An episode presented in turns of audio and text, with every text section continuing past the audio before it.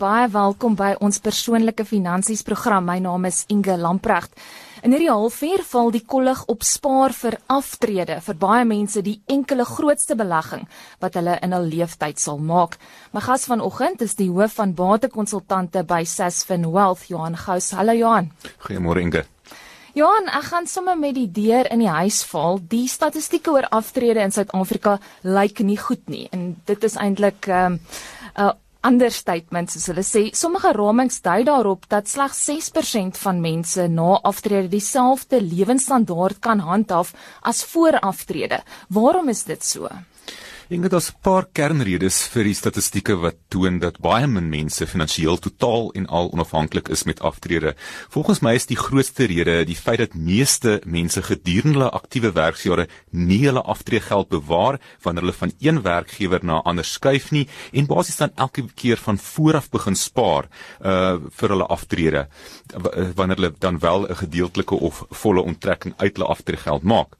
Tweedens is dit so dat lede nie altyd genoeg beleggingsrisiko met hulle aftreegeld neem om inflasie te klop en dan so hulle geld se koopkrag te vergroot nie. En dit is ten spyte van die feit dat hulle beleggingstermyn tot 30, 40 jaar kan wees en hulle eintlik kan bekostig om risiko te neem. En dan die derde rede is dat lede te laat of nooit genoegsame bydraes tot hulle aftreespare maak nie en dan met 'n tekort om opeindig met aftrede. Ons gaan net terugkom na 'n paar van die punte wat jy nou gemaak het Johan. Maar aftree opvoeders en finansiële adviseurs sê nogal baie gereeld die twee vrae wat hulle die heel meeste oor aftrede kry is: Hoeveel geld het ek nodig om af te tree en is ek op koers om gemaklik af te tree? Kom ons kyk eers na die eerste vraag: Hoeveel geld het 'n mens nodig om te kan aftree? Ingrid die industrie standaard wat meeste pensioenfonde of batekonsultante of adviseurs gebruik is die vervangingskoers van 70 tot 75%. Wat dit beteken is dat jy elke rand van die laaste salaris wat jy ontvang met ten minste 70 tot 75 sent kan vervang deur inkomste uit jou aftreefonds te kan neem. Nou hierdie 70 tot 75 sent moet natuurlik voldoende wees om jou deur jou hele aftrede te kan hou en 'n uh, inkomste te kan verskaf uh so jou beleggingsstrategie na aftrede is eintlik net so belangrik as dit kom by die vraag van hoeveel is genoeg. Johan, so hoeveel geld het 'n mens nodig om by daai 70 tot 75 sent uit te kom? Ja, Ingrid, die die vraag gaan weer eens gaan oor 'n paar van jou aannames. Die vraag eh, gaan wees oor hoe lank gaan jy leef in aftrede. Die vraag gaan wees oor hoeveel gaan inflasie wees en die vraag gaan wees oor hoeveel beleggingsrisiko gaan jy neem um, in daai daai hele uh, tydperk en wat is jou inkomstebehoeftes, so jou onttrekkingskoers. So daardie is 'n paar faktore wat 'n mens in ag moet neem, maar weer eens is daar hierdie modelle wat jy kan gebruik om te kan sê gegee seker van 'n aannames. Waar is ek nou en is ek nog op koers of moet ek meer voorsiening maak vir aftrede van waar ek nou is?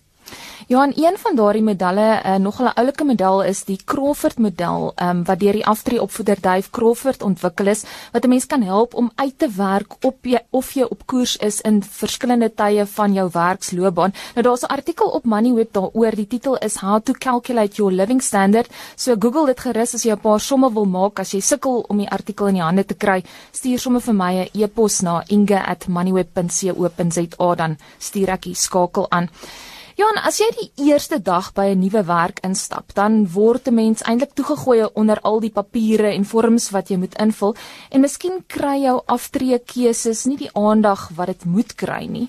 Nou 'n ander probleem is natuurlik dat as jy kies om meer by te dra tot die aftreefonds, sou jou werkgewer 'n aftreefonds verskaf, dan kry jy natuurlik elke maand minder geld om huis te neem en dit is vir baie mense 'n groot oorweging. Hoe weet 'n mens hoeveel jy moet bydra? Nou Inge, die kwessie van jou beleggingskeuse is krities wanneer jy begin werk en jy moet dalk eers die regte portefeulje kies voordat jy bekommer oor hoeveel jy gaan bydra. Nou meeste pensioenfonde het 'n verstek of outomatiese keuseopsie waar 'n portefeulje op grond van die nuwe lid se ouderdom gekies word, sou die lid nie self 'n portefeulje kon of wou kies nie. Nou ten opsigte van hoeveel jy dan moet bydra, is die antwoord basies soveel as moontlik. Die feit is dat jy nie onmiddellik dalk by die 17.5% bydra gaan uitkom kom gegee waar jy dalk in die die, die fase waarin jy in jou lewe is nie en hoeveel skuld daar betrokke is en hoeveel afhanklikes daar in jou huisgesin is nie. Die doel sal dus dan wees om met soveel as moontlik te begin en dan jou bydrae uh, te verhoog ja, elke jaar soos wat jy kan en dan na uh, soos jou finansiële situasie verbeter, dan sal jy ook sien dat jou huishoudelike begroting ook vir jou 'n baie kernfaktor hierso is en dit sal ook vir jou bepaal hoeveel geld jy werklik kan en behoort uh, by te dra. Johan, die regering het verlede jaar wetgewing verander sodat 'n mens nou 'n groter persentasie van jou salaris tot 'n aftreefonds kan bydra en dan nie belasting betaal op daardie geld nie, 27.5% om presies te wees. sien jy in praktyk dat mense van die geleentheid gebruik maak en nou meer bydra? En daar is uh, mense wat die 27.5% van hulle belasbare inkomste wel gebruik, maar hulle is definitief in die minderheid. Uh onthou dat die 27.5% uh, word wel beperk tot R350 000 per jaar as 'n aftreefonds bydra wat dan 'n uh, belastingvergunning sal uh, geniet. So jy kan selfs meer as R350 000 of 27% uh, en 0.5% van jou belasbare inkomste bydra, maar die belastingvoordele sal nie meer so voordelig wees op die addisionele bydraes nie.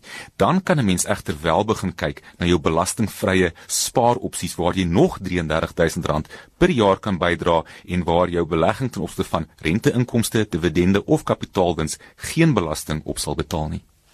Johan, jy het net nou verwys na die neem van risiko binne 'n aftreeportefeulje en dat 'n mens nie te konservatief moet wees nie. Nou, nog 'n keuse waarvoor of eintlik die keuse waarvoor 'n mens ook te staan kom is watter tipe portefeulje jy in moet belê wanneer jy nou al hierdie vorms invul en gewoonlik is dit 'n keuse tussen 'n meer aggressiewe portefeulje of portefeuljes, met ander woorde een met meer aandele blootstelling of 'n meer konservatiewe portefeulje, so een met meer kontant blootstelling. Wat moet 'n mens in ag neem wanneer jy hier 'n keuse maak? Dis soos reeds voorheen genoem, is jou ouderdom die kernfaktor. Aangesien dit gaan bepaal hoeveel jare jy nog tot aftrede het en wat jou beleggingstermyn of jou horison dan sal wees.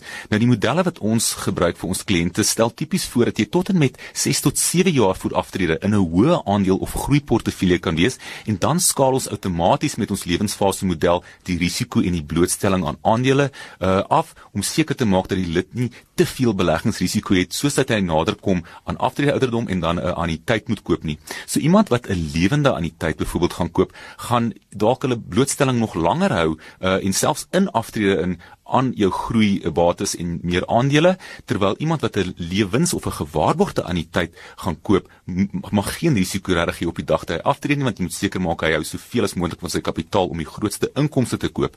Maar krities is dat mense ehm um, nie moet rondspring tussen portefeuilles soos dat markomstandighede verander nie en dat mense realisties realisties moet wees oor hulle aftree ouderdom en nie dink dat jy het 'n langer termyn te belê as wat dit werklik is nie.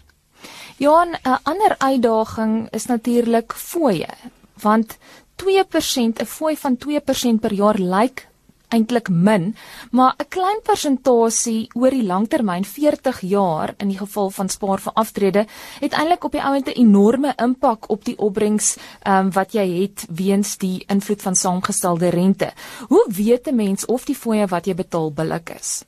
En ek dink die beste manier om hierna te kyk is om dan te gaan verstaan watter partye is almal betrokke by die belegging en watter fooie behoort hulle te verdien. So rofweg sou ek te sê dat jou administrateur van jou produk ehm um, behoort nie meer as sê net maar 'n half persent uh, te vra nie want dit is 'n redelike hoeveelheid kapitaal wat jy heel moontlik by hulle belê het. Uh jou adviseur uh, behoort dalk hier in omgewing van 'n fooi van ook so half persent uh, uh jy weet te vra en jy moet maar daar onderhandel en dan jou beleggingsbestuursfooi is gewoonlik die grootste komponent en dit kan tot en met 1% wees. So ek sou sê 'n 2% as 'n maatstaf is 'n baie goeie maatstaf om te gebruik en sou jy na 3% begin beweeg, moet jy werklik begin kyk na waar is hierdie kostes uh, en waar kom dit vandaan. So dit is ek dink veral in 'n lae opbrengsomgewing en dan ook die feit dat jy 30 of 40 jaar kan belê, soos jy gesê het, die saamgestelde uh, groei effek uh, wat dit wat hoër kostes kan teenwerk. Dit is krities dat ons moet probeer om daardie kostes so laag as moontlik te hou tydens jou uh, spare vir aftrede. Mense sien nou eintlik toenemend mededinging ook in die mark met die uh, lae uh, lae koste verskaffers wat al hoe meer toetree, passiewe fondse, beursverhandelde fondse en en so wat eintlik vir jou op die ou end um, ook heelwat goedkoper opsies kan bied. Luisteraars wat enige spesifieke vrae oor aftrede het, is welkom om dit vir ons te SMS na 45770. 'n SMS kos R1.50 of skakel ons in die ateljee by 0105949772. Hou asseblief die vrae kort en bondig.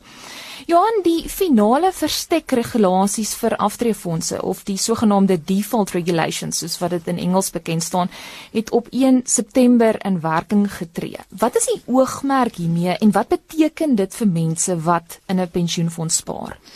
Ja, en getans is daar verstek opsies op uh of outomatiese toedelingsreëls by meeste aftreefondse waar lede nie 'n keuse uitoefen uh, voor aftrede nie.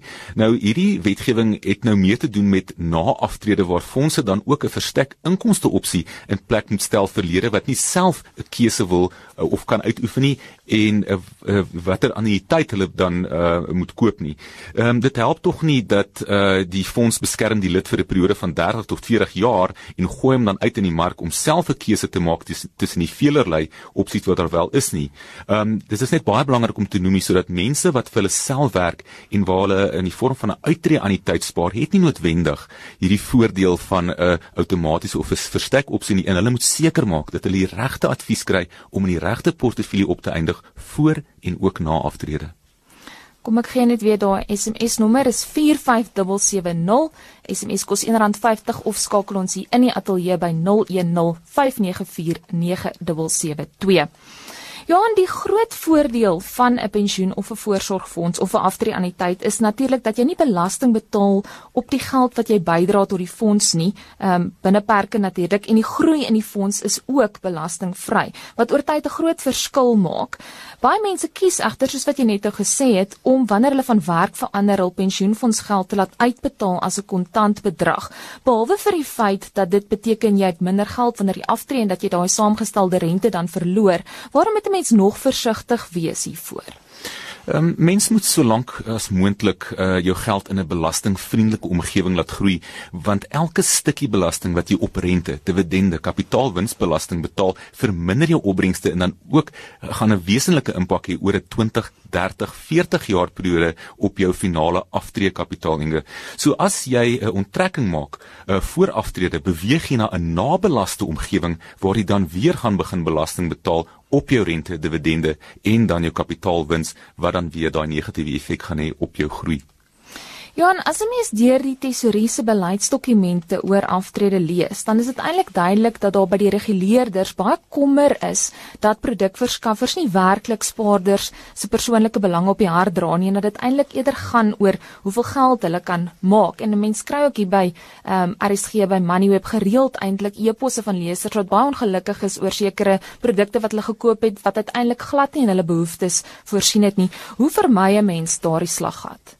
En daar is tans nuwe wetgewing wat deur die nasionale tesourie geïmplementeer word om die verbruiker van finansiële dienste beter te beskerm teen swak advies en dan ook teen hoë fooie.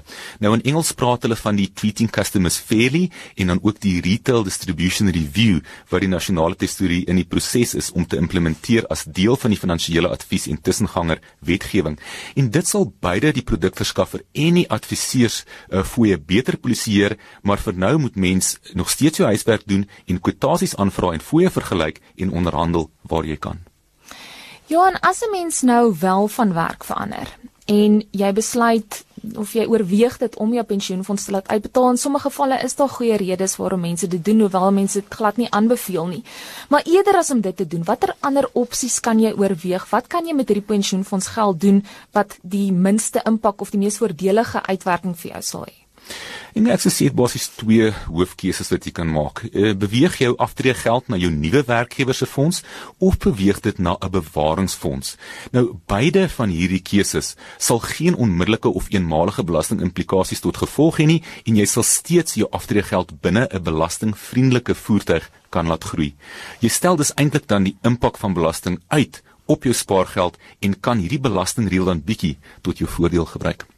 Ja, en hier's 'n luisteraar wat ek dink telepaties met my verbind is. 'n Anonieme luisteraar vra: "Hoe gemaak as ek al reeds 52 jaar oud is en ek het nog niks gespaar nie?" Ek dink dit is 'n posisie waarin baie Suid-Afrikaners hulle bevind. Wat gemaak as jy nie meer so lank het voor jy dalk moet aftree nie en jy het nie gespaar nie of jy het heeltemal te min gespaar? Ja, ek sou sê Inge, jy kan net besluite neem op grond van wat jy die inligting wat jy het en dan moet jy daarmee saam 'n sekere paar aannames maak. So ek sou sê op die einde van die dag, Ehm um, jy weet, jy moet so gou as moontlik begin met soveel as wat jy kan. Jy sal baie verbaas wees as jy net begin om in 'n spaar tipe van ehm um, hoe kan ons sê gewoonte te kom uh, en dan, dan soveel as moontlik te by te dra oor 'n periode van 5 na 10 jaar. Al begin jy ook hoe laat, kan ek vir jou sê gaan jy definitief in 'n beter posisie wees as waar jy sou gewees het sou jy niks gedoen het nie. So in my gedagte, Inge, is dit nooit te laat om te begin nie. Die ander punt Johan wat ek dink toenemend belangrik is en regtig ek dink hierdie gaan 'n groot onderwerp van bespreking raak in die volgende paar jaar is daar's toenemend mense wat sê maar die konsep van van aftrede op 65 is ouderwets en glad nie meer relevant in 2017 nie. Mense moet eerder werk vir so lank as wat hulle kan en 'n inkomste genereer selfs al kan dit net 'n klein deeltjie van hulle eertydse salaris vervang. Wat is jou mening hieroor? Ja, in ons land het 'n vaardigheid en kundigheidstekort en daar is steeds vele geleenthede vir mense bo 65 om 'n inkomste te verdien. En mense leef langer, maar kan daarmee saam ook nog 'n langer ekonomiese aktiewe bydrae maak uh, tot ons ekonomie en kan op 'n afgeskaalde basis steeds 'n inkomste probeer um, vir hulle self uh, in. En dit gaan egter nie net oor die finansiële voordeel vir my nie, maar dit gaan ook hoe goed dit vir mense se siege is om hulle self steeds dan intellektueel intellektueel te stimuleer terwyl hulle besig is om verdere voorsiening te maak vir hulle aftrede. Ja, en dan 'n SMS van 'n luisteraar wat vra, ehm um, daar's nog 15 jaar oor voor ek aftree en ek werk reeds 20 jaar vir 'n maatskappy. Sal my pensioen genoeg wees by aftrede na 35 jaar? Die aftree ouderdom by ons is 65. Ja, so kyk 65 is eintlik 'n uh, goeie ouderdom om te kan aftree. Weereens sê ek, jy moet gaan kyk na doen daai sommetjie om te gaan sê uh, op grond van sekere aannames en soos ek sê daar is modelle daar buite en baie kere die batekonsultante tot die fondse daai modelle wat vir jou wys wat het ek nou, wat behoort ek al nou bymekaar te gemaak het gegee sekere aannames waar sal dit my bring tot en met aftrede. Maar ek dink weereens in hierdie geval wil ek sê dit is goed om te sê ek gaan op 65 is my aftrede ouderdom kom, maar dit is sodat gegee sekere van die dinamika in ons huidige situasie, dit moontlik is dat hierdie persoon dalk self op 55 al gedwing sal word om 'n keuse te maak in terme van 'n vroeë pakket. Ja, en een van die goed wat die beplanning vir aftrede natuurlik moeilik maak, is mense het hierdie plan en dan gebeur daar dinge, dinge wat jy nie beplan het nie en dit is presies die posisie waarin een van ons luisteraars hom bevind. Hy sê ek is nou 60 jaar oud en 2 jaar gelede is ek deur 'n egskeiding en ek het baie verloor. Ek het nou vir 'n 5 jaar plan. Ek neem aan hy wil op 65 aftree. Wat moet ek nou doen? Groot asseblief, ek ek's nog baie gesond en ek werk nog.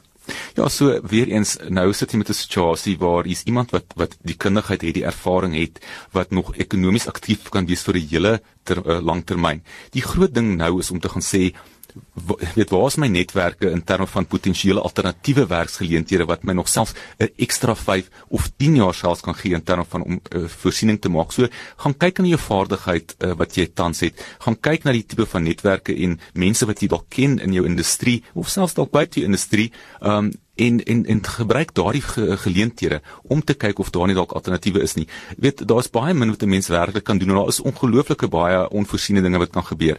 Maar jy moet probeer op hierdie stadium net kalm bly en sê, wat is die alternatiewe opsies wat ek het? Wat kan ek nou doen om op die beste manier dit wat ek tot nou toe opgebou het net die langste vir my te kan laat werk? Johan is eintlik temas wat universeel is in die, in hierdie gesprek en een daarvan is dat baie werkgewers dwing mense om op 65 jaar of selfs jonger deesdae af te tree en dan die ander um, kant van die munt is Suid-Afrika het ook 'n verskriklike hoë jeugwerkloosheidssyfer. So daar's baie druk om jong mense kans te gee om die korporatiewe leer te klim. Hoe gemaak as jou werkgewer jou dwing om af te tree, maar jy kan dit nie bekostig nie of dalk selfs beter jy's gesond en wil nog graag werk. Een van ons luisteraars sê ek wil nog graag werk, maar geen baas wil 'n ou vrou in diens neem nie. Ja, Inge, daar is ehm um, definitief sekere regte wat jy as werknemer het en jy moet seker maak uh, dat uh, wat daai regte is en daarop staan as daar uh, enige onredelike of onwettige maniere is waarop uh, jy dan basies in 'n situasie van vroeë aftrede geplaas word. Nou uh, vroeë aftrede ongelukkig Inge is 'n harde werklikheid vandag weens van die redes wat jy reeds genoem het. So eerstens is dit dis belangrik dat jou ehm um, jou aanname oor jou aftrede ouderdom realisties is as deel van jou aftrede beplanning, dan is uh, daar ook want dit is 'n groot verskil tussen of jy op 62 of 63 aftree en 55, want daar is nog 'n laaste paar jaar waar jou inkomste dan redelik nog hoog is, jou spaarvermoë baie hoog is en jy meeste van jou kapitaal opgebou het wat dan moet groei. Ehm um, anders kan dan dit moet mens jou netwerk bou soos ek gesê het en in jou industrie rondkyk en sê waar kan iemand dalk wel nog my vaardighede benut? Maak seker dat jy wel jou vaardighede en kundigheid uh, vlakke byhou, want daai addisionele 5 tot 7 jaar kan 'n groot verskil maak in die uitkoms vir jou aftrede. Johan net kortliks om af te sluit. As 'n mens op 25 begin werk en jy werk tot 65, dan is dit 40 jaar. Maar mense leef deesdae baie langer en is baie moontlik dat jy nog 30 jaar of selfs langer kan leef wanneer jy aftree. Hoe beplan 'n mens vir 'n situasie waarin jy nie weet hoe lank jou geld moet hou nie? Ek sou eers sê Inge, jy moet uh, vir jouself 'n uh, eh, groot doelwitte stel en jy moet baie konservatiewe aannames maak uh, wanneer dit kom by byvoorbeeld die datum wat of die tyd wat jy dink jy op sal afster of die ouderdom wanneer dit kom by watter groei jy gaan verwag as deel van jou belegging, beleggingsplan.